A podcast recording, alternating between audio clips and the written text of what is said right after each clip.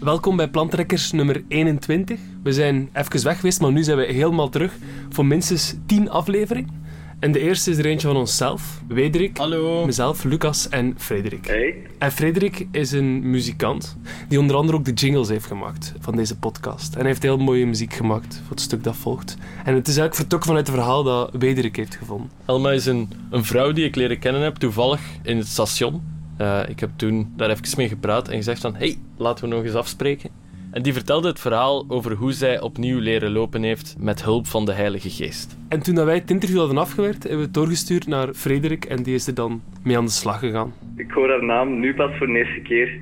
Ehm, wat dat heel raar was, want dat was een heel persoonlijk interview. Maar dat was heel onpersoonlijk om dat te maken, totdat ik dan vertrouwd werd met wat dat ze zei. Ehm, en dan gaandeweg opgebouwd en gekeken naar de momenten dat Elma ja, melodisch spreekt.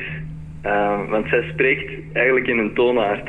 Wat wel grappig is, want mensen spreken niet in een toonaard, maar bij haar was dat dus wel het geval. Eh, dus ik ben vanuit die toonaard vertrokken om, om alle muziek te maken. En hoe heb je dat bepaald? Door naar haar testituur te luisteren en dan... Ja, dus door te luisteren naar dat interview en soms dan eh, zei ze een bepaalde zin die bijvoorbeeld eindigde met het woord kennen. überhaupt niet kennen. En de ne van die kennen was dan een noot.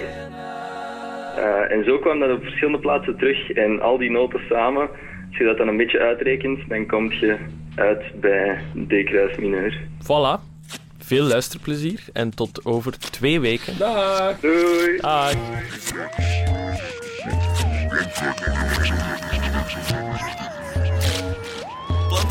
Aantrekken.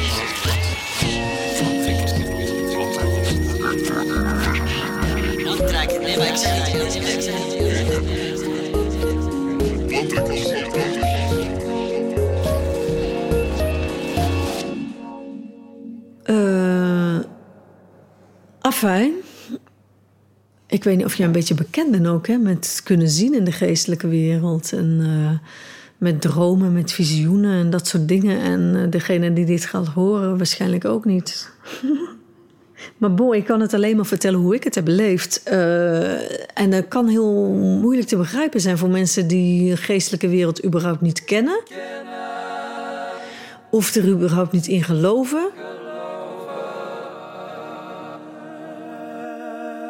Of misschien wel in geloven, maar nog nooit iets van hebben gezien of gehoord of meegemaakt.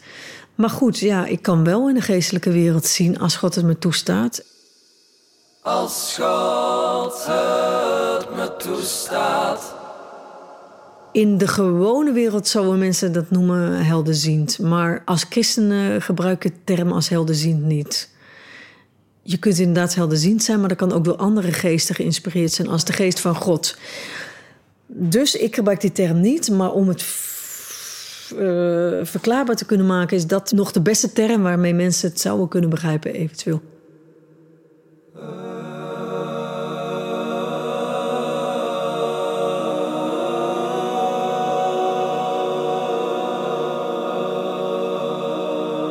Je kan helder zien, maar je kan ook helder voelen. Dus dat was meer op het niveau van helder voelen, helder weten. Dus wat gebeurt er? Eh, word ik wakker, s vroeg. Dat was dus God zijn Heilige Geest die mij wekt. En hij zegt tegen mij, en dus dat is op het niveau van helder horen. Gefeliciteerd. Dat is dus als een soort droom, maar ik ben wel wakker. Ik kreeg eh, een heel vredig gevoel, een heel rustig gevoel en een eh, gevoel van enorm veel liefde.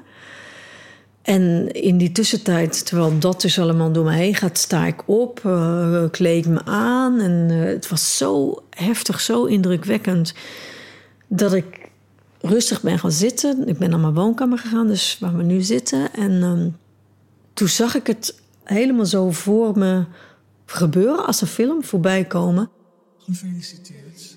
Maar ik zat dus hier op mijn bank en ik heb vanaf daar, uit die hoek, uit mijn woonkamer, zag ik vanaf een wolk, zag ik ineens Jezus. En die kwam op die wolk naar beneden dalen, mijn woonkamer in. Dat was zo ongelooflijk mooie ervaring. Niet te beschrijven gewoon. Niet te beschrijven. En dan zei hij, Kijk, dit is je beloning. En kreeg ik een overzicht van een stad. Alsof ik het vanuit een vliegtuig eh, eh, zag of zo. En het was een schitterende stad.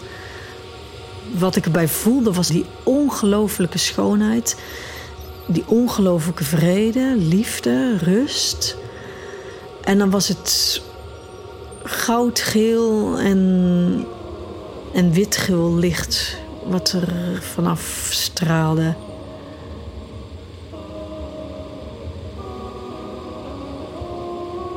En dan zei Jezus: Kijk, dit is het nieuwe Jeruzalem. En daar ga je op een dag zijn met je kinderen. En dus dat heb ik gezien in het visioen, dat nieuwe Jeruzalem. En dat heb ik gezien dat ik daar op een dag zal zijn. Als God het me toestaat.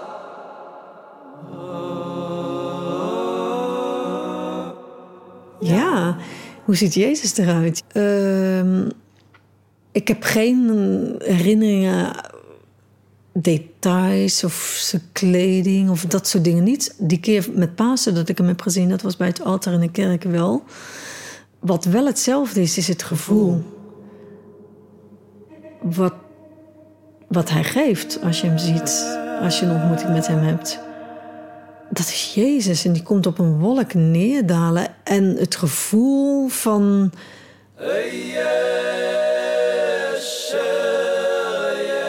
Dat hij komt als een, als een krijgsheer.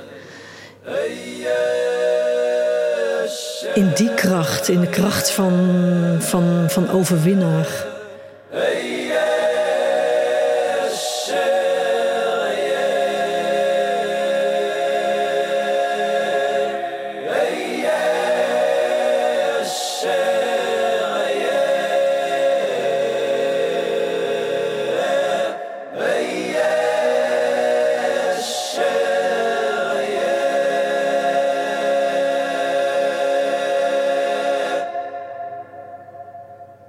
Dat alles is wat ik daarvan kan beschrijven van eh, hoe ik hem die keer heb ontmoet.